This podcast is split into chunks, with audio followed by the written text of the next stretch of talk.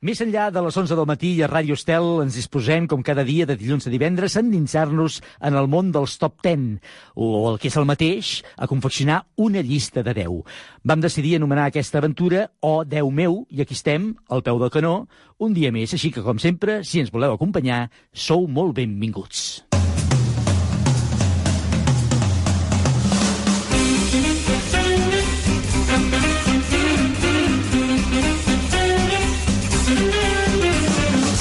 Oh, Déu meu, de dilluns a divendres d'11 a 12 del matí a Ràdio Estel.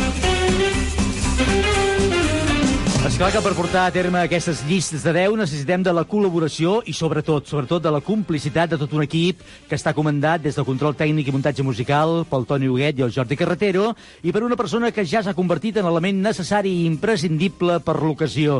Roger Cantos, bon dia. Bon dia. No sé si aquesta idea d'imprescindible em fa sentir una mica de vertigen. Uh, bé, és una forma de dir-ho. No sé, a mi m'agradaria. No, home, un dia és imprescindible, no t'agrada? sí, sí que Què passa? Què però clar, passa? Ara tinc com aquesta pressió de dir si un dia em poso malalt i si Ah. m'he d'agafar això que en diuen de lliure disposició. Ah, ja, entenc, sí, Ah, és complicat. home, complicat. Llavors és complicat, sí. Fi, ja mirarem de fer-ho compatible, no pateixis. De totes formes, ja et dic ara que si no tens febre, millor. Eh? Ah, això sempre. I si en tens, ei, te- l'aguantes una miqueta, que de vacances eh, ja arribaran, no, no es busquis... Encara, encara l'estiu encara no... Acabem de començar, eh? Sí. estem a la primera setmana, no em busquis vacances, tot just acabem de començar i estem, com tu dius, i es falta una miqueta.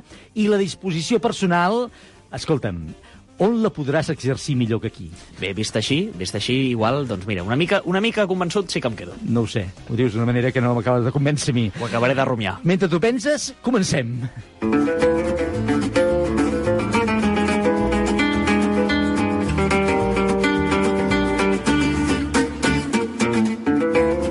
passat mala nit, eh? Avui es passa mal la nit? Sí, Què, sí, ho fa, això? Coll, per culpa del programa. Que això passi aquests primers dies ja em, em pipa una miqueta. Els nervis inicials? No, no, no, no, perquè me l'agafo tan a pit, ah. El programa, sí, estic tan posat, tant, hi poso tanta passió, que després d'acabar-lo ahir eh, vaig voler portar a la pràctica el resultat de la llista. Ah, ja, ara, ara...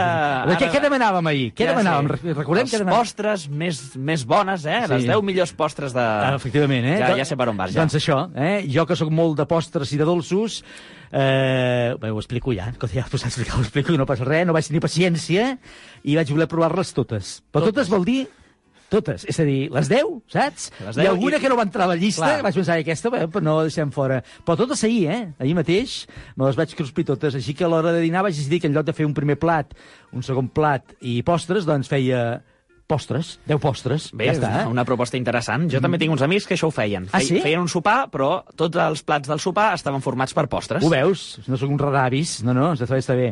Sort que es quisegen els arma, el- com es diu això, l'alma fòrtex, l'àlmax, això de, de la decisió. Una recomposició estomacal. Sí, i les sals de fruita, que, que per cert m'agraden molt, les fan amb bombolletes, així amb gust de llimona. Eh, per tot i així vaig passar un dia, mm, diguem-ne que memorable amb el millor, però també amb el pitjor. Eh? Mm, Doncs- No, no, no, no, no, pen- no penso donar més detalls. Bé, està, eh? ens en fem, una, ens en fem cinc cèntims. bueno, escolta, eh? el, el millor perquè tastaven les postes que m'havien emocionat i m'havien eh, fet eh, glatí tot la llista de 10 d'ahir. La veritat que això va ser una delícia, però el pitjor va ser la tarda quan l'excés de dolç va començar a passar-me factura. D'acord, d'acord, I Miquel. aquí, sí, no, s'estalvio detalls, ja sí, ho Perfecte. entenc, ho entenc, ja, res, res, eh, ho, deixem, ho deixem aquí. Així que deixem enrere les postres i ens disposem a confeccionar una nova llista de 10, un nou top 10 a la vida de Ràdio Estel.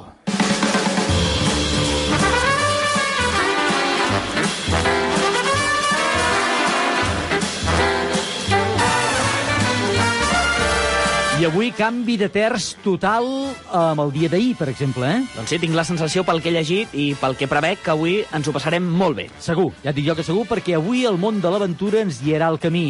Bé, el món de l'aventura, però també, cal dir-ho, el món de la literatura, perquè si els unim, aventura i literatura, segur que en traiem algunes conclusions apassionants. Avui cercarem llibres d'aventures. Això està molt bé. Exacte, però aventures, eh, alguna, alguna guia concreta? Algun... Bé, no, no, no, no, no, amb la més àmplia gamma, diguéssim, eh, amb tot el seu gran ventall, perquè els llibres d'aventures, des d'aquelles que alimentaven els nostres anys adolescents, fins a que ens han apassionat de més grandets, totes, totes, espero i desitjo que hi tinguin cabuda a la llista d'avui. Segur n'estic segur, vaja, no em creuria una altra cosa, que tothom ha llegit alguna vegada un llibre considerat d'aventures, o que podem considerar d'aventures, i que l'ha apassionat. Doncs això, tu també t'ho ha passat, això, no? Home, i tant, i tant. I alguns formen part de la meva història, la meva cultura. Alguns després fins i tot se n'han fet pel·lícules, Ah. pel·lícules de les quals jo també n'he sigut fan. I bé, És a dir, tu has llegit llibres que després s'han fet pel·lícules i vas anar a veure perquè havies llegit el llibre, eh? exacte. Alguns amb millor fortuna que altres. I a l'inrevés t'ha passat això o no? Allò de veure una pel·lícula que dius, hi havia, era el post d'un llibre i dir, doncs ara tinc ganes de llegir el llibre? Doncs segurament sí. Ara Sí? no, no hi caic, però Ah. segur, segur que sí. Sí, eh? Ben, sí. En tot cas, les aventures i els llibres, avui protagonistes. Avui a la Déu meu de Ràdio Estel busquem, atenció, els 10 llibres d'aventures que més us han apassionat. Comenceu a pensar-hi i mentre ho feu, el Roger ens en dona algunes pistes on agafar-nos. Obrir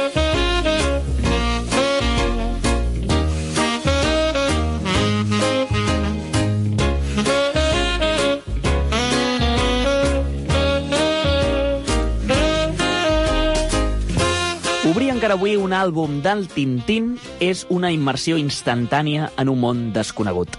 De cop es desperta l'esperit de la descoberta i l'aventura. El ritme s'accelera i la passió per saber què passarà a la següent vinyeta fa imparable la lectura. Tintín és, des de fa més de 90 anys, després del seu naixement a Bèlgica, un èxit rotund. Més de 230 milions d'àlbums venuts en tot el món, traduïts a 115 llengües i dialectes. Un museu, una pel·lícula de Hollywood, desenes de llibres sobre el personatge i el seu creador. Un univers de somni per a milions de persones d'arreu del món que gràcies als 24 àlbums de Les aventures d'en Tintín, l'últim dels quals inacabat, han viatjat a Chicago, al Congo, al Perú, a Xangai, entre molts d'altres indrets, sense aixecar la vista d'un còmic. Una volta al món que ha obert la ment als lectors, a civilitzacions desconegudes, tecnologies innovadores, capaces fins i tot d'arribar a la Lluna, grans reptes de la humanitat, com a sostenibilitat i la lluita entre l'autoritarisme, i encara grans problemes endèmics com l'esclavisme i el tràfic de drogues. Les xifres de Tintín són espectaculars, i les raons del seu èxit s'han estudiat una vegada i una altra. La fórmula sembla fàcil. Un jove reporter i un gos inseparable que passen mil i una aventures per mig planeta. Però només la genialitat d'Hergé ho va aconseguir projectar al món. Als àlbums de Tintín hi ha alguna cosa que desafia el temps, les llengües i les cultures. Com es fa perquè aquest reporter gairebé adolescent, sortit de la imaginació d'un dissenyador belga a finals dels anys 20, tingui encara l'èxit que té el tombà de segle? El seu èxit universal, sortit de Brussel·les fins a la fi del món, està arrelat dins d'una realitat sòlida que transcendeix les modes, les èpoques i les nacionalitats. El ball entre la ficció, sovint exagerada, i la realitat, fins i tot detallista, és constant a les aventures del Tintín. I el que podria semblar un punt dèbil, al final esdevé un punt fort, convertint els seus còmics en una de les millors sagues d'aventures de la història de la literatura. Avui he volgut fer aquest homenatge al jove detectiu belga que m'ha acompanyat tantes hores durant la meva infància. Però també podria haver-ho fet fent memòria al jove mag, nascut de la ment brillant de J.K. Rowling, endinsant-me en el món brillant i fascinant d'en John R.R. Tolkien, que ha traspassat la frontera de la lectura al cinema, o l'autor del best-seller, en forma de trilogia, Ken Follett. Avui us preguntem quin és el vostre llibre d'aventures preferit. Amb quin heu fet el viatge més apassionant? Quin llibre us ha transportat i us ha fet somiar? O quin és aquell que encapçala la vostra tauleta de nit i us atrapa?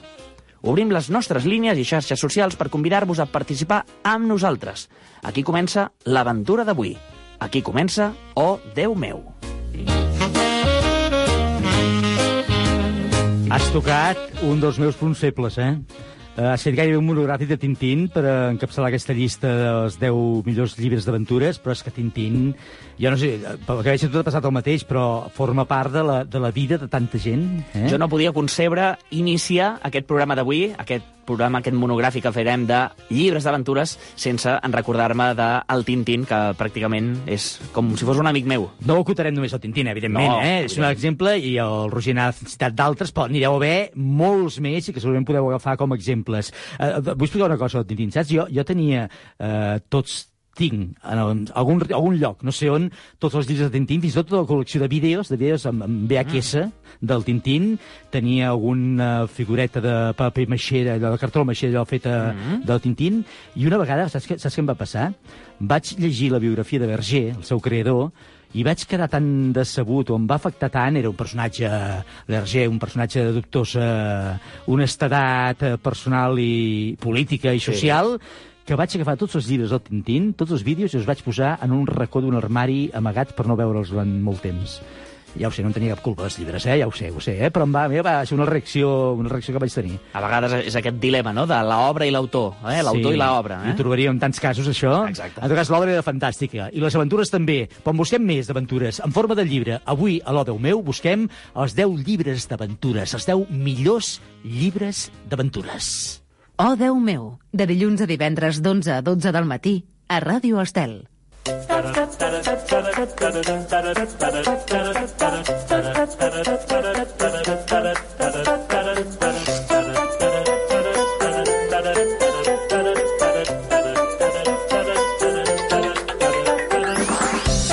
estàvem parlant d'Hergé, l'autor de Tintín, però aquí a casa també tenim els autors que dignifiquen les aventures tant infantils com juvenils com per adults, eh? Avui en tindrem un cas amb el qual podem parlar en directe d'aquí una estona, que així ho demostrarà, i que no es queden enrere ni amb això de traduccions, ni de països, ni de traspassar fronteres. Eh? Tenim Això... art eh, a casa que val molt la pena, sobretot art literari, tenim grans autors. Molt bé, ja ens hem situat una miqueta i estem una mica orientats. Eh, no tenim cap dubte que els llibres d'aventures, si més no, algun llibre d'aventures, forma part indestriable de la vida de cadascun de nosaltres. És per això que volem compartir la llista de 10 d'avui amb tota l'audiència de Ràdio Estel i és imprescindible, no ho podem concebre d'una altra manera, la vostra participació a l'hora de configurar-la, aquesta llista. Exacte, i des d'ahir mateix que just acabàvem el programa us vam llançar aquest nou repte on busquem, com diem, a les 10 millors novel·les d'aventures de la història. Quina és per vosaltres la millor novel·la d'aventures? I ja ens heu fet arribar algunes opinions, però encara sou a temps de fer-vos arribar la nostra fins a final del programa. Com? De quina manera? A través de què? Ens ho explica ara mateix el Roger. Doncs és molt senzill, a través del nostre correu electrònic o deumeu arroba radiostel.cat o bé de les xarxes socials habituals com són el Facebook i l'Instagram buscant el nom del nostre programa. I a més a més, encara tenim una tercera via, A veure. eh? i és que us podríeu trobar, eh? caldria trobar on, eh? però nosaltres tenim un reporter aventurer, com és el nostre, el nostre Tintín particular, eh? el nostre reporter aventurer, avui ens escau molt bé la paraula, que s'encarrega de buscar opinions a peu de carrer. És a dir, que qui sap si algun dia us trobeu amb el nostre enviat especial i us pregunta en directe eh, quina és la vostra novel·la preferida o bé algun dels El que temes. busquem, el que Exacte. busquem aquell dia. També també recordarem que eh, entre tota la gent que participeu, sigui pel canal que sigui, sortejarem al final del programa un lot de vins Lovers Wine Elegance. Tenim 50 minuts, no, 44 exactament, eh, per endavant per rebre encara les vostres propostes. Per tant, no us n'esteu de recomanar-nos el vostre llibre d'aventures preferit. Ens ve molt de gust, molt, avui especialment, molt de gust escoltar-vos. Com escoltem ara algunes de les opcions que ja tenim en forma d'àudio i que són aquestes. Soc el Jordi i un dels llibres que més m'ha impactat, diguem, d'aventures o, o de desventures, és el reloj de Nuremberg, escrit per el Joan Zafón.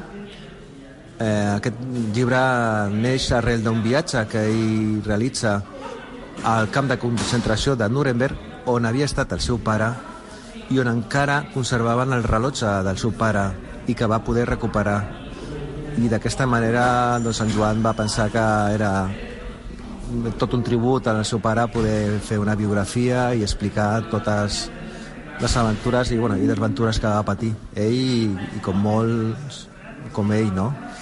I res més, gràcies. Jo no destacaria exactament un llibre d'aventures, però sí que era un llibre més aviat un còmic que m'agradava molt i que portava la paraula aventures en el seu títol. Eren les aventures d'Eric Castell, aquell jugador de futbol que fitxava pel Barça i que en passava mil i una per poder triomfar en el món del futbol.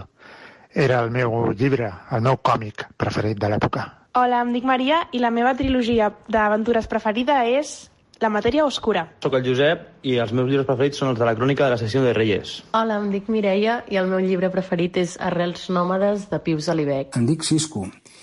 I el tema dels llibres n'he llegit molts i em resultaria complicat quedar-me amb un.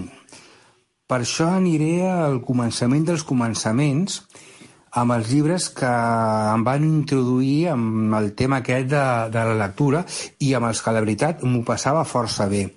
i no podien ser uns altres que Los Cinco de Enid Blyton. Em sembla que me'ls vaig llegir tots. Oh, Déu meu!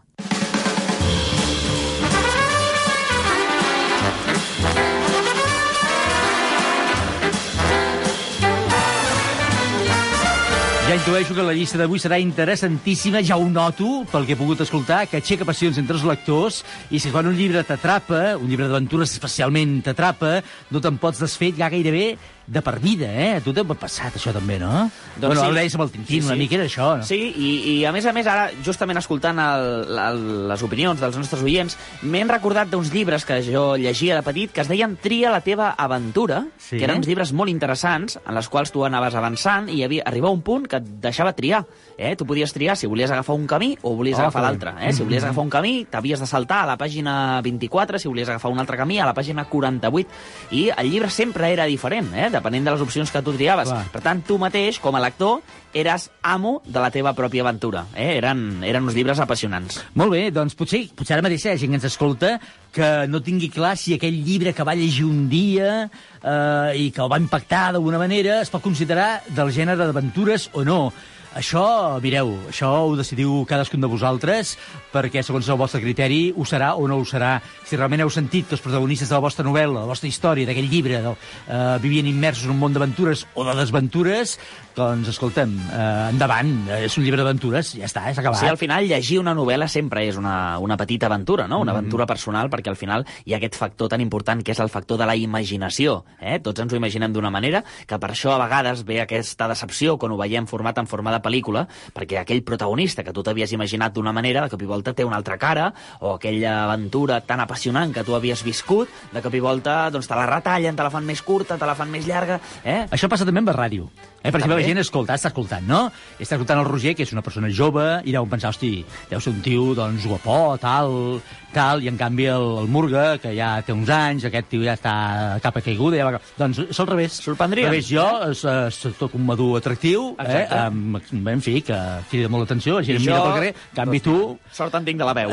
en fi, això passa a la ràdio, imaginació. Cadascú imagina una Sí, sí, imatge sí, sí. i ja està. Quines baixarades que diem, a vegades. En fi, escolteu, posem música, va, posem música, que ja sabeu que ens agrada molt lligar la llista del dia amb un tema musical, amb una cançó que tria per l'ocasió Roger, i no sé quina has triat avui per aquesta llista dels llibres d'aventures. Doncs perquè les aventures que tot just comencen són les més emocionants i encara que ens facin una mica de por, és senyal de que el que està per venir valdrà la pena. Submergim-nos avui amb una aventura submarina de la mà dels Amics de les Arts i el seu Messier Cousteau. Parlim d'aquells mons llunyans de les espècies per catalogar que ningú mai ha vist abans. Porti'm aquells mars remots on els indicadors de profunditat diuen que és de valents baixar.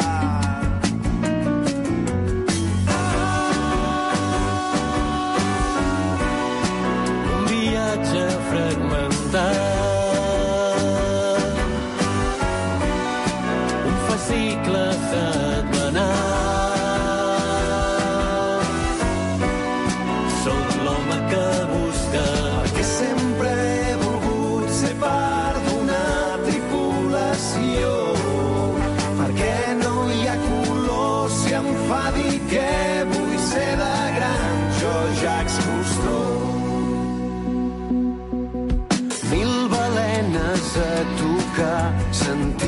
L'electrostàtica i el mar.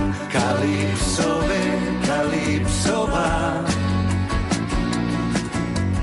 ser-hi sense haver-hi estat, veure els colors dels esculls de corall, vostè escafandre,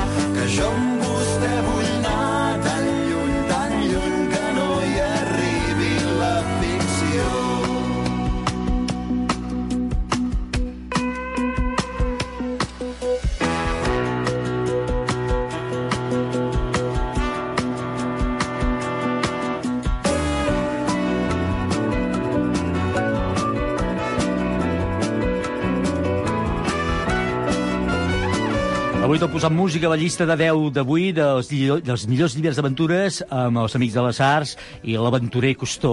Avui eh, arribant ara mateix al quart i mig de 12 del matí i cercant, com us dèiem, aquests 10 millors llibres d'aventures, o si més no, aquells llibres d'aventures que vosaltres més us han impactat. En sortirà una llista espectacular. Ràdio Estel. Família Cinquenter, sóc en Sergi Mas. Cinquenters avança una hora la seva emissió en directe. Començarem a les 10 del matí i acabarem a les 11 per parlar de les coses que ens passen als Cinquenters.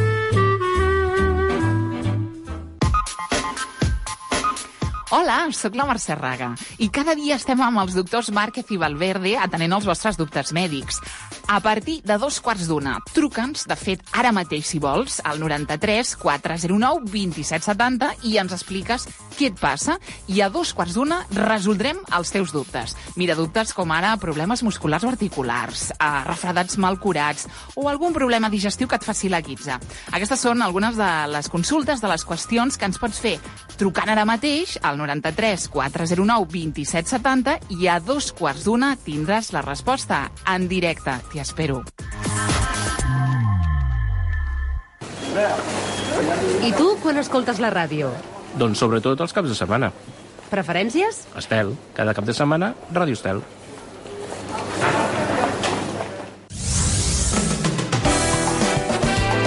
Ràdio Estel.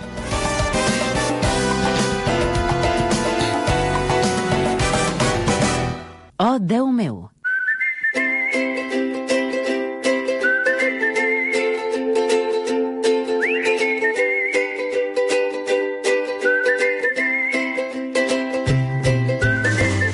Els llibres d'aventures, tema que avui ocupa la nostra llista de 10 de l'O 10 meu, ocupen part de la memòria personal de cadascun de nosaltres. La veritat és que em costaria molt de creure que cadascuna de les persones que ens escolteu no tingueu lligades a la vostra infància, a la vostra joventut, o si seguiu l'hàbit de la lectura en la vostra vida, no tingueu lligades eh, o lligats a algun personatge, alguna història fantàstica on les aventures dels protagonistes en siguin l'eix principal del relat.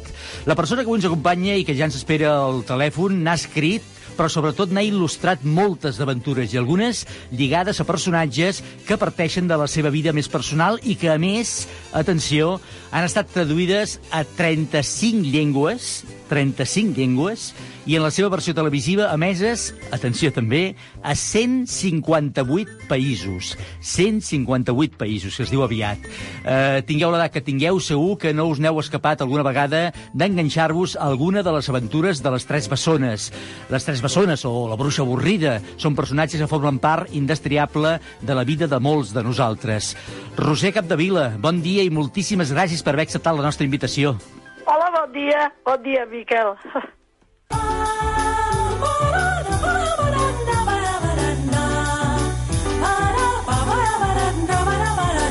Roser Capdevila, com deia, és la responsable, la culpable, beneïda culpable, de les tres bessones i que aquestes tres bessones hagin entrat a casa de cadascun de nosaltres, bé en format de llibre o bé a través de la petita pantalla. En els seus orígens, la formació artística de Roser Capdevila l'hem d'ubicar a l'Escola Massana de Barcelona i un bon dia, després de passar per damunt de teles i d'aquarel·les, eh, fruit d'aquella formació, va deixar, o, va, i també suposo fruit de pertànyer a una família que estimava l'art, doncs va decidir que volia dedicar les seves hores de feina a escriure i a il·lustrar llibres. I que bé, que bé que un dia va decidir això la Roser Capdevila, perquè si no, Roser, ens haguéssim perdut tantes, tantes coses bones, interessants i divertides, eh? Ai, gràcies, Miquel. Uh, mira, jo he disfrutat molt, però molt. La, puc dir que la meva vida professional m'ha omplert molt. Es pot dir que no he treballat, això no es diu treballar, això es diu disfrutar. I i bé, he deixat doncs, eh, un rastre de molts llibres, a vegades penso, quin rotllo, quin rotllo que he donat. Però estic satisfeta, mira, tinc mm. autoestima en aquest, en aquest aspecte. I, I estic satisfeta i a més ha sigut una manera de- d'expressar-me dibuixant, que per mi dibuixar ha sigut com respirar. La Roser Capdevila va néixer, vas néixer, Roser, per, mira, em prenc la llibertat, sé que m'ho perdonaràs, eh? Normalment parlo molt, tinc la mania de parlar molt de vostè als convidats, però em costa molt parlar-te de vostè, tot i... i, i, i, i Parla't de tu. eh, T'ho dic de veritat, eh? Eh, Sé que em perdones, eh? Que, a més a més... Eh, Perdono del tot. molt bé. Escolta, vas néixer just en el moment que acabava la Guerra Civil Espanyola, el gener del 39. Néixer, Quina rebuda! sí, vaig néixer el 23 de gener del 39 i el 26 de gener del 39, o sigui, tres dies després es va acabar la guerra. Qui, de- devies, devies veure, quan vas arribar al món, vaja, no sé si n'és gaire conscient, però devies pensar què passa aquí, no? No, sí, clar, perquè va, quan vaig néixer caien bombes, no hi havia electricitat, això sempre ho explicava la meva mare, deia, oh, vas arribar en un moment tan difícil, i, i bé, i que no, el meu pare estava amagat, perquè havia fugit, s'havia escapat de la guerra, estava a Santa Perpètua de la Moguda, que el van fer anar a collir patates, i es va agafar un tren i va tornar a Barcelona. Es va amagar a casa i allà va quedar. I només va sortir aquest dia per anar a buscar la, la llevadora, Mhm. que la meva mare anava de part, i, bueno, així va ser la meva arribada al món. L'arribada al món, quina arribada, quina arribada. Sí. Aquell, aquells primers anys de la postguerra, segons ara tu deies, explicaven els pares i els avis, eh, van ser grisos, van ser tristos... Després hi entrarem amb això, perquè el teu darrer treball hi té molt a veure amb això, després en parlem, però en canvi, amb el pas del temps, el Roser Capdevila ha posat color a la vida amb les seves Sí. il·lustracions, eh?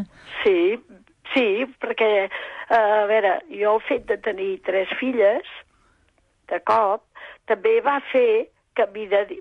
em vaig dedicar de ple amb elles.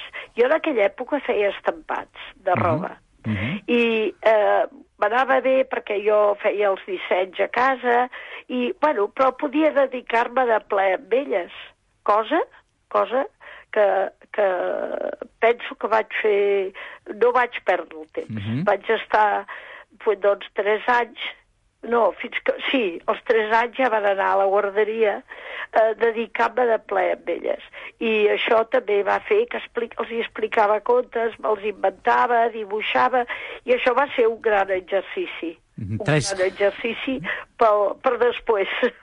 Sí, clar, tres filles que, bé, ho he explicat moltes vegades, és de, és de domini públic, tothom, o gairebé tothom ho sap, que són els qui donen vida o donen punt de partida a les tres bessones. Sí. Si més els noms. Els Des... noms Anna, Eh? Teresa i Helena Mhm. són els seus noms. El que passa que ara ja les bessones ja no porten el llacet.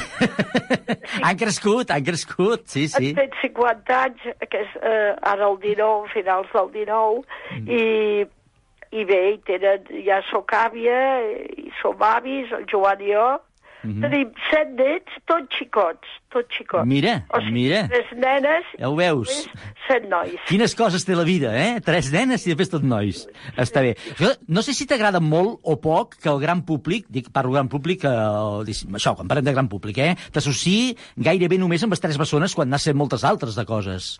Sí, eh, de fet d'altres, però, a veure, jo penso que la petita pantalla és tan important Mhm. en aquest món, és tan important que, que això d'entrar dintre les cases, que a les cases avui dia ja tenen televisor, la cuina, el menjador, l'habitació, tot arreu.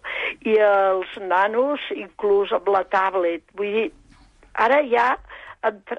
I jo penso que les històries que vam donar eren històries amb un fons, jo no diria pedagògic, perquè no m'agrada la paraula, però divertit, però al mateix temps explicaven alguna cosa. Uh, eren aventures, de fet, uh, entren, entren plenament en el capítol del que avui estem buscant, que són llibres d'aventures, eh? Que eren de grans obres literàries, Mhm. vam fer el Romeo i Julieta, vam fer el Quixot, vàrem fer... Espera't, ah, Cristòfol Colom, vàrem fer personatges molt importants, Velázquez, el Van, Gogh, eh, i a través d'aquests personatges explicàvem una història plena de color i, i, i per, exemple, em vaig trobar un dia un, una parella jove pel carrer i em van dir, ai, que, ai, com agraïm el que vostè va fer amb les bessones, perquè, diu, la de Leonardo da Vinci, vostè explicava el que era la politxa, bueno, les bessones, amb Leonardo da Vinci, no? I, Sí, sí. i diu, i després, jo era un nen, però després de gran, eh, amb els meus estudis em parlaven de Leonardo da Vinci, jo ja sabia qui era.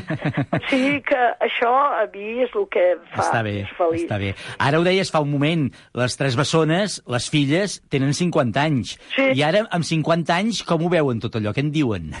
Bé, bé, bé, m'ajuden molt i bé, bé, ho veuen bé, ho Mhm. veuen bé. Sempre ho hem vist bé, eh? Mm. Eh, I saps què passa? Que Aquí, quan, quan has dit les filles que ara tenen 50 anys, tots, tot l'equip del programa que estan aquí escoltant, han fet una grau dient no pot ser, 50 anys, sí, esclar, sí, sí, sí, sí. I tant, és. I tenen... O sigui, vam celebrar els 150 anys el mes de novembre. I va ser una gran festassa.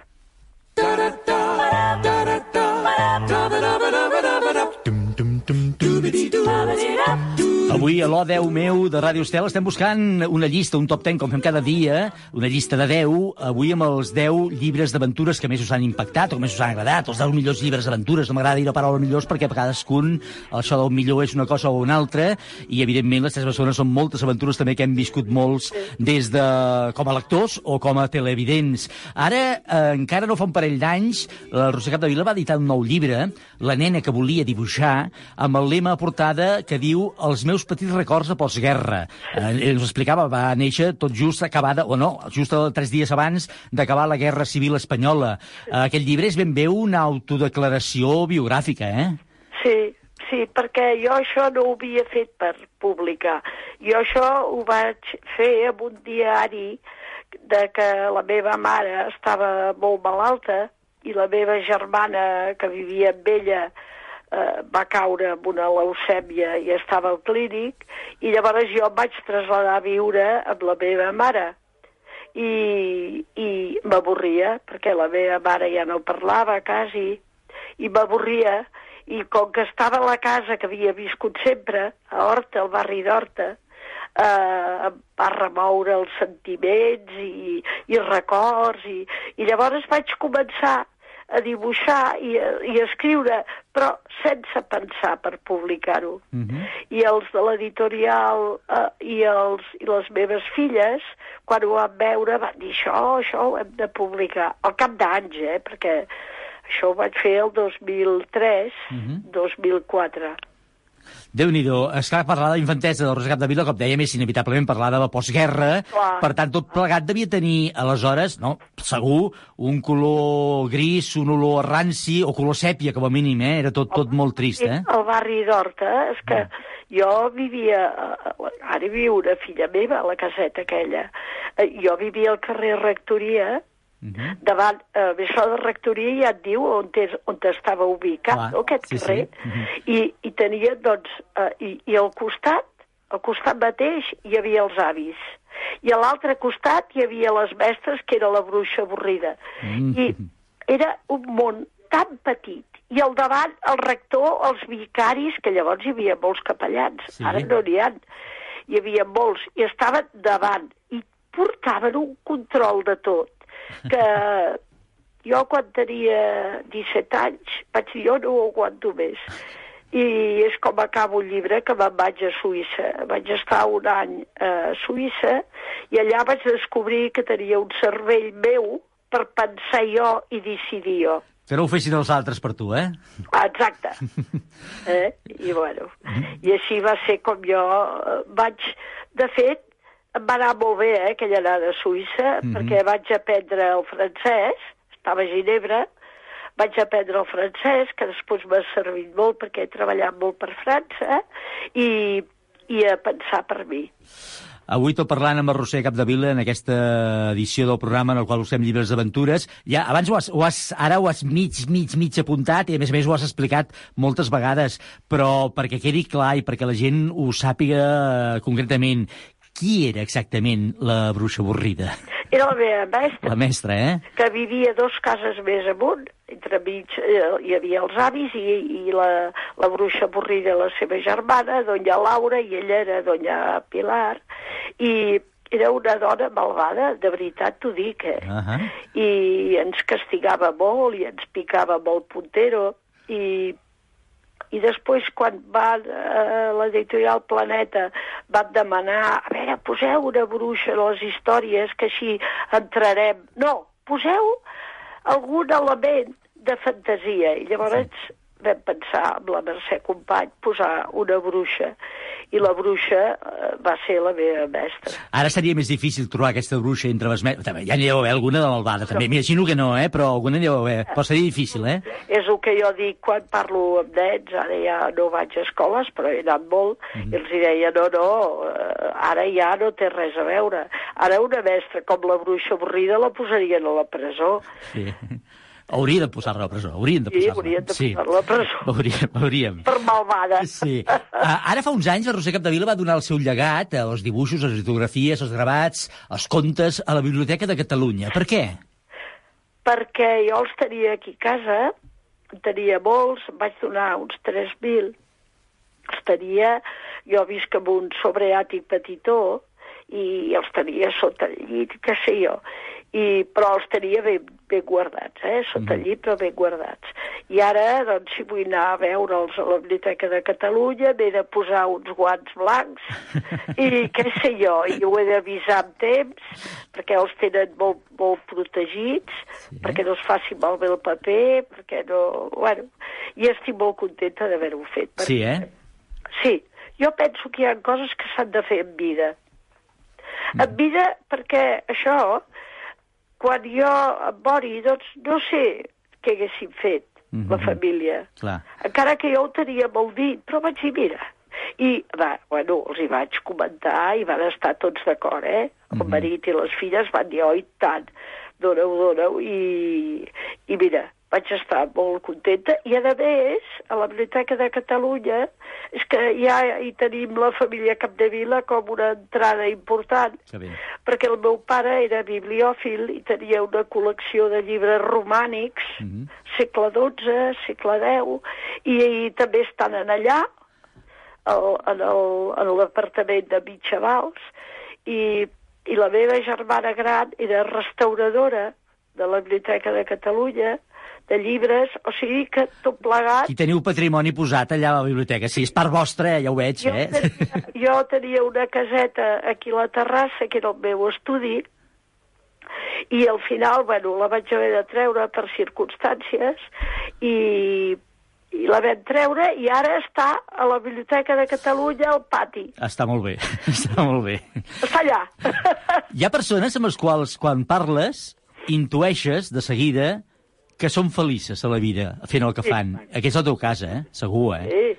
Sí, sí, sí, jo estic contenta. Mhm. I, I penso que, bueno, que ja estic en una edat, doncs, que això se m'acabarà, però, però, bueno, és a tots, que se'ns acaba. Mhm. Jo el que no vull que s'acabi amb un net o amb una filla, perquè no tenen edat, no, no, no és llei de vida, tot i que passa, Mhm. passa i Per desgràcia passa, sí, és veritat, que sí. se'ls hi mor algun fill i és el pitjor que et pot passar, eh? És veritat. Uh, Roger Capdevila, avui busquem els 10 llibres d'aventures. Jo no sé si n'hi ha algun, ara deixant de banda les tres bessones, eh? N'hi ha algun que t'hagi marcat la vida d'alguna manera? Sí, a veure, quan jo era nena hi havia molt poca cosa eh, de, per, per nanos, per dir que no hi havia pràcticament res. Mhm. I el meu pare va, va comprar llibre de Heidi. Ah, Heidi, oi, oi, oi, Heidi oi, oi. antic.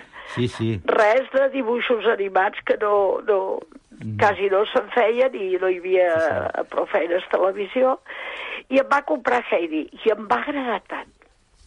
Per això després vaig anar a Suïssa, perquè encara em quedava aquella cosa de, de fer de Heidi i, i abuelito, dime tu. Perquè, Que bé, que bé. Bueno, Però el llibre, eh? Estem parlant del llibre, no? Ara que ningú imagini veure pel·lícula, no. El llibre, eh? El llibre de Heidi. No, la En- pel·lícula, sí, sí. res, això. sí, sí. A mi em va passar el mateix, Roser, amb el Marcos. Devia ser perquè, no sé, però, però em va passar amb el Marcos dels Apeninos a los Andes, que a l'escola tenia un professor que me'l va fer llegir i em vaig quedar atrapat. I ja està. I... Les meves filles miraven la Heidi i els agradava Sí, sí, sí. molt, però esclar, a mi la Heidi va arribar a això de que la neu i que baixava en trineu per anar al poble i l'avi i què sé jo.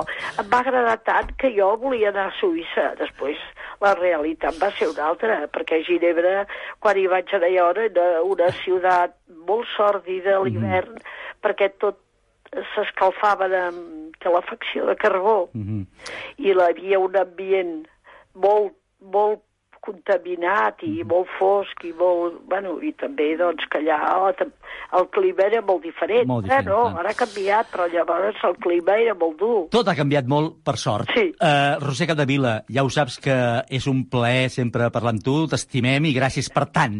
Uh, fins ben aviat, una abraçada. Miquel, igualment. Adéu-siau, bon dia, adéu. A veure, adéu. Oh, Déu meu, cada dia una llista de 10 per enriquir la nostra vida.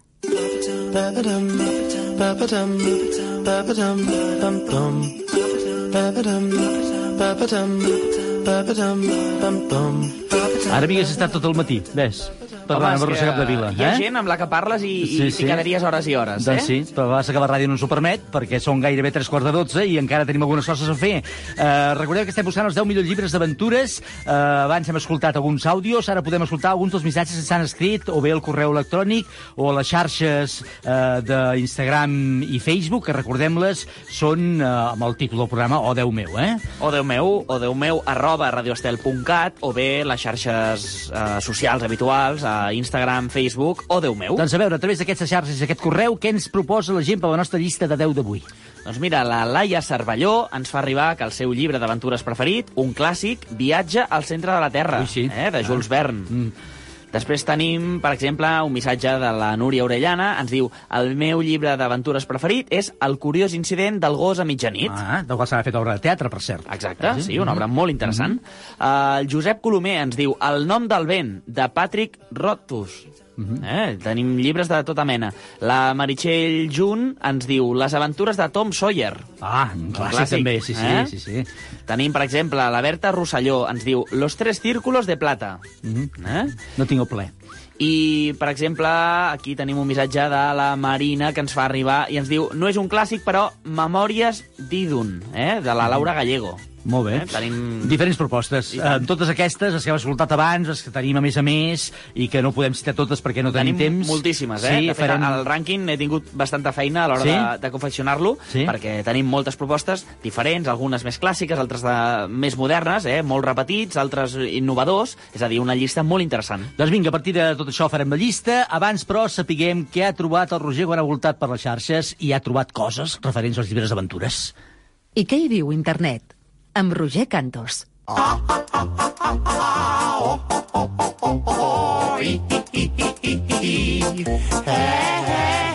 Segur que has trobat coses interessantíssimes, curiositats, no sé, no sé què has buscat, perquè jo quan entres a internet et passes allà que a vegades he de mirar a veure, vaig a veure què mira la pantalla i què fa tantes hores aquí mirant i buscant? Ja saps que a mi m'agrada molt navegar per internet Mm. i passo hores i hores, a vegades potser masses, però avui he trobat, mira, ja saps que a mi això de les curiositats i les anècdotes m'agrada moltíssim, eh? Mm. I avui, doncs mira, he trobat curiositats sobre escriptors famosos. Ah, molt bé, perfecte. I la majoria d'ells han escrit molts llibres d'aventures. A veure, doncs, Com, vinga. per exemple, doncs mira, el Dan Brown, eh, Mhm. l'escriptor del best-seller El Código da Vinci. Doncs mira, mm, igual no sabies que anteriorment aquest autor tan popular va ser cantant de pop i que va arribar a escriure una cançó sobre el sexe telefònic.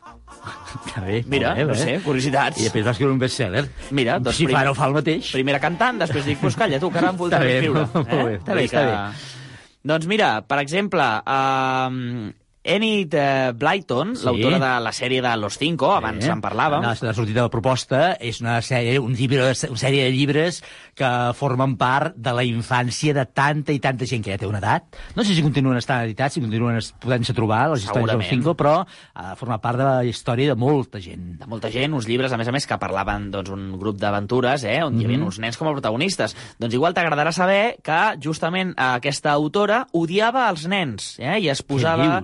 Es posava literalment histèrica quan aquests nens muntaven escàndols pel carrer i els havia de veure. Mare de senyor, ningú ho diria, eh?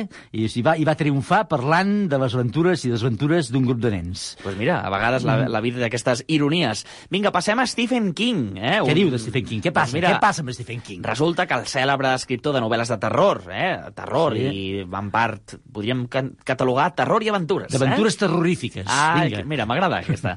doncs resulta que té una por irracional al número 13. Eh? Mira, això hi ha gent que li passa. Doncs resulta que el número 13 ell no el pot, no el pot suportar. Hi ha gent, la gent que té aquestes obsessions, eh, les té molt fortes normalment, eh? Mm. Igual com els actors, deixeu-me que tindrem una mica al nostre terreny, que tenen obsessió amb el color groc, que no poden veure el color groc perquè diuen que dona mala sort, la tenen com molt, molt endinsada, com molt arrelada, aquesta, aquesta obsessió, Mira, eh? hi ha gent que té Aquesta manies, manies per tot. Sí, sí. Eh? En canvi, jo, veus, sempre m'agrada, quan faig una obra de teatre, sempre he pensat, doncs mira, jo desafiaré la mala sort i em posaré una cosa groga. Tu sempre tens aquest punt... Mira, sí, per, per, punt així, per tocar els nassos una miqueta, diguem, sí, molt bé. Doncs mira, passem a en Mark Twain. En Mark Twain, per exemple, Mhm. per qui es pregunti, Mark Twain em sona, em sona? Doncs, per exemple, l'autor de les aventures d'en Tom Sawyer. Mhm. eh? Doncs resulta que en Mark Twain, a més a més de ser un erudit autor, també va ser inventor, eh? i va inventar, entre altres coses, per exemple, l'àlbum de retalls amb autoadhesius. Eh? Mhm. Avui en dia tothom fa col·leccions de Sí? cromos. Doncs mira, resulta que en Mark Twain va ser l'inventor, eh? i també, a més a més, va, va inventar la banda elàstica del tancament dels sostens. Ah, caram. Què et sembla? Això el Mark Twain, eh? Sí. Que curiós, està bé, Curiós. està bé. Està bé. L'autor de Tom Sawyer eh, va inventar la, això, de, per tancar sostenidors. Imagina quines coses. Doncs mira, passem a un altre autor, per exemple, Charles Dickens. Sí, eh? un clàssic. Un clàssic. Eh? Mm. Doncs resulta que en Charles Dickens li fascinaven tant els cadàvers que es passava la majoria del seu temps lliure a la morgue de París. No puc creure, sí? Mira, diu que tenia una obsessió amb Li això dels cadàvers, li, li fascinaven. Oh, de, potser li inspiraven històries, eh? Vés a saber. Eh. I mira, per exemple, Edgar Allan Poe, eh, Sí. un autor clàssic, sobretot Mhm. doncs, també amb aquesta línia de novel·les més terrorífiques, doncs resulta que es va casar amb la seva cosina germana, eh, que es deia Virginia Elisa Clem, Mhm. i en aquest moment ell tenia 26 anys i ella en tenia la meitat, només 13. I es van casar. Es van casar, mira, coses de l'època. En aquell moment això es podia fer, eh? Resulta que sí. Sí, i si era Edgar Allan Poe, eh, més. Doncs vinga, una altra, va, una més, que aquesta m'agrada molt. Per exemple, Arthur Conan Doyle, eh, el famós autor de Sherlock Holmes, Mhm. eh, doncs resulta que dos nenes petites van enganyar a l'autor, a l'autor de Sherlock Holmes, i el van fer creure amb l'existència de les fades. I és que resulta que aquestes nenes petites eren dues germanes bessones, eh, i el van, resulta que el van enredar i el van fer creure eh, ferventment Que, havia, que, que, havia, les, que existien fades, que eh? les fades existien. I tot un senyor com ell eh, s'ho van passar. I mira, va, una altra més. Va, l'última, Va, va, l'última, va, va. És que en- això és molt interessant. Aquesta secció hauria de durar més, trobo. Eh, en Jonathan Swift, que igual pel nom no, ens, no l'acabem de situar, Em sona marca de bolígrafs. doncs no. no, sé, no, no, eh? no. Resulta que és l'autor dels viatges d'en Gulliver. Ah, Sona, en eh? Gulliver, sí, home, sí, tant, clar. Doncs en Gulliver és, és aquest personatge que feia aquestes Eh. aventures tan fascinants. Doncs resulta que és el creador del nom Vanessa. Ell va inventar-se el nom de Vanessa. El va inventar en una de les seves novel·les. A partir d'aquí, doncs mira, hi ha gent que s'hi diu. Doncs mira, gràcies... Ah, deixa'm, vaig dir una bajanada, eh? Gràcies a aquest senyor, mm. -hmm. inventar-se el nom de Vanessa, va néixer o va eh, existir un dels personatges de més èxit de la TV3. De la, I tant. Ara he dit de la TV3, com si fos, eh? Això diuen, eh? Que és la Vanessa que interpretava la Lloll, Bertran. eh? La Vanessa. Un dia la podríem convidar, eh? Així es, diu, eh, sí, eh, es va poder dir Vanessa perquè aquest senyor es va inventar el nom. Exacte. Es poden inventar noms? Bé, resulta que quan escrius un llibre, doncs tu pots Clar, posar els clar, noms clar, que... clar, clar, clar, clar. I ara puc escriure un llibre i posar el nom que vulgui als personatges. Aquest nom es popularitza i un dia va un senyor allà al, eh, al registre civil, que ha tingut un fill, i diu, posi-hi, sisplau, Brown. Diu, però què, brown de, de color marró? No, brown com, la, com el melinillo de cafè. Que m'agrada, jo què sé. I llavors, a partir d'aquell dia hi ha nens que es diuen brown. Eh? Doncs en tenim moltes més. No sé si tenim temps de més. Va, una, Va, una. va, va, Concedeixo una última oportunitat. Vinga, va, doncs mira, Alexandre Dumas, Sí, eh? mhm. no sé si ho pronuncieu gaire bé. Eh? Exacte, molt bé, els tres mosqueters. Doncs resulta que se li van caure els pantalons durant el seu primer duel en què es va batre No, quan no, tenia no, no, 23 no. anys. Això, això és del Polònia, això vist del Polònia. Que no, que home, no, que és veritat. Això no pot ser. Que sí, que sí, que sí. Me- Mentre feia un duel amb en Espassa. Doncs mira, resulta que no, no estava gaire basat aquesta mena d'afers i resulta que el pobre doncs, va i li van caure els pantalons. Això és la pel·lícula de Charlotte, home. Doncs per sort eh, no era gaire bo amb el tema duels, no era gaire bo No, aguantar clar, els no, no pantalons. era gaire bo el tema res, perquè... Però, home, escrivint sí, escrivint sí. Ara, ara sí. ho has dit. I en tenim més, però... no, un altre dia. temps. Va. Farem una altra segona edició Vinga, de, les de les Hidros Aventures. Falten 7 minutets i mig exactament per arribar al punt de les 12. Ara tindrem, o tenim ja gairebé, a punt, a punt, a punt, tota la informació per fer la llista de 10 d'avui. Oh, Déu meu, de dilluns a divendres d'11 a 12 del matí, a Ràdio Estel. Jo crec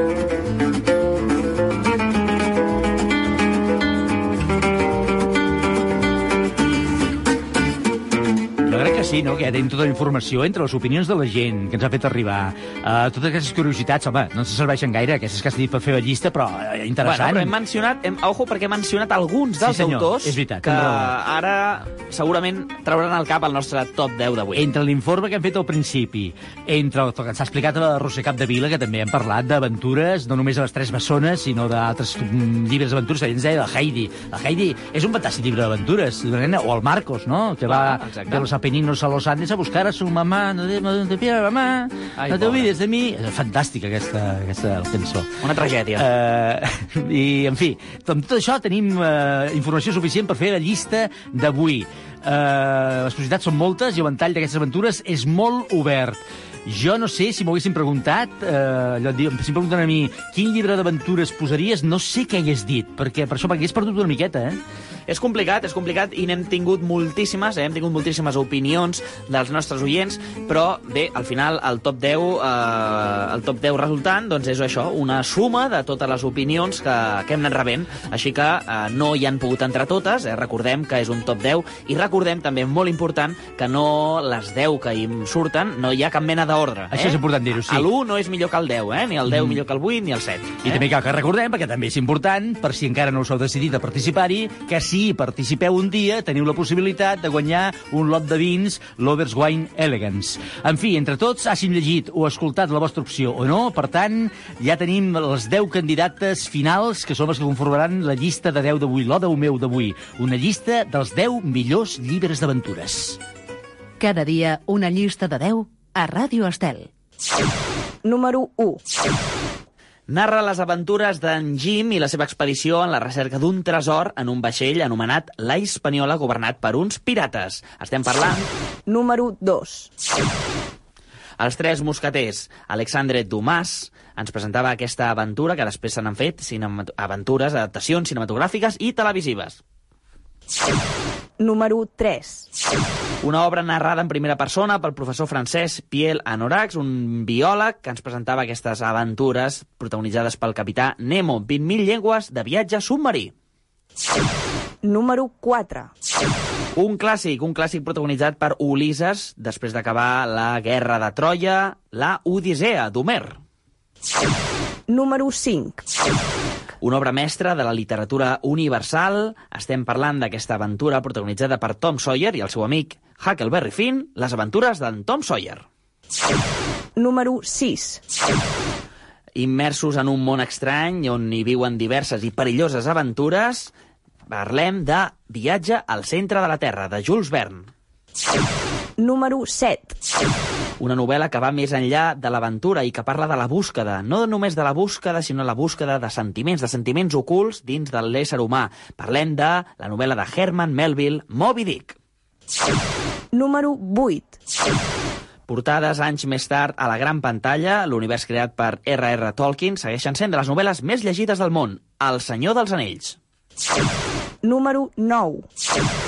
En aquest cas, parlem d'una novel·la escrita en primera persona, en un món fictici, on en Gilliver descobreix una sèrie de mons eh, i els descobreix a l'arribar en aquest curiós país anomenat Lilliput. Parlem de Els viatges d'en Gilliver. Número 10. Les aventures d'un jove mag aventurer han donat vida a una saga de llibres amb grans fans arreu del món i de les seves pel·lícules. Harry Potter, de J.K. Rowling.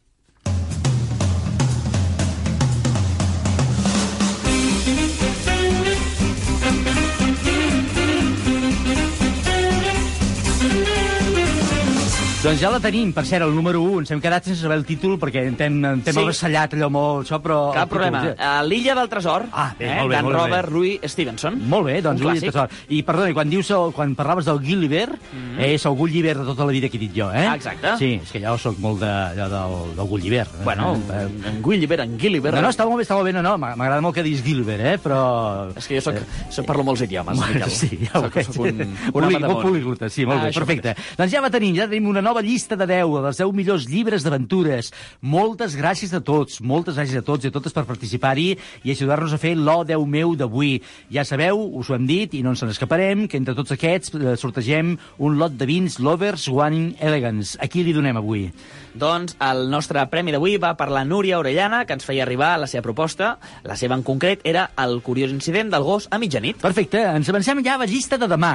Falten dos minuts per arribar a les 12, per tant és un temps just, idoni i precís per avançar-nos a la llista de demà que anunciem ara mateix perquè comenceu a pensar-hi i sobretot perquè comenceu a proposar-nos opcions tot participant-s'hi a través de les xarxes eh, socials i del correu electrònic. Demà ens decantarem per la música, i concretament per la música dels anys 70, perquè us demanarem, atenció, pot ser una mica friqui, eh? però interessant. Eh, Una mica friqui, tots sabem, eh, a mi m'ha tocat, per tant, m'hi considero també una miqueta. Eh? Us demanarem quines són les 10 millors cançons dels anys 70. Les 10 millors cançons dels anys 70, que tu eh, deuen... Bueno, sí que et fan, perquè algunes s'han durat amb el temps i encara em sonen, sonen eh? aquestes que han passat a la història i que segur que seran moltes, però he de dir que jo als anys 70 encara Sí, no, no, no, no, estava... no, no, hi era, no hi sí, era, eh? No, sí, ves, ves, ves, ves insistint en això, que es noti, que la gent sàpiga que ets molt No més, tots- no- molt més jove no que tots jo. podem dir el mateix, No, eh? no, no. Alguns jo- ja hi éreu ja hi de- era, de sí, fa sí, temps. Sí. No, de fa temps no, de fa temps tampoc, no, tampoc no t'accedeixis. Hi era, Eh, bueno, bueno, hi bueno. era, deixem-ho aquí, hi era, ja està. Per tant, demà, atenció, les 10 millors cançons dels anys 70, és el que us demanem. I Ja hi podeu participar des d'ara mateix i fins demà a l'hora del programa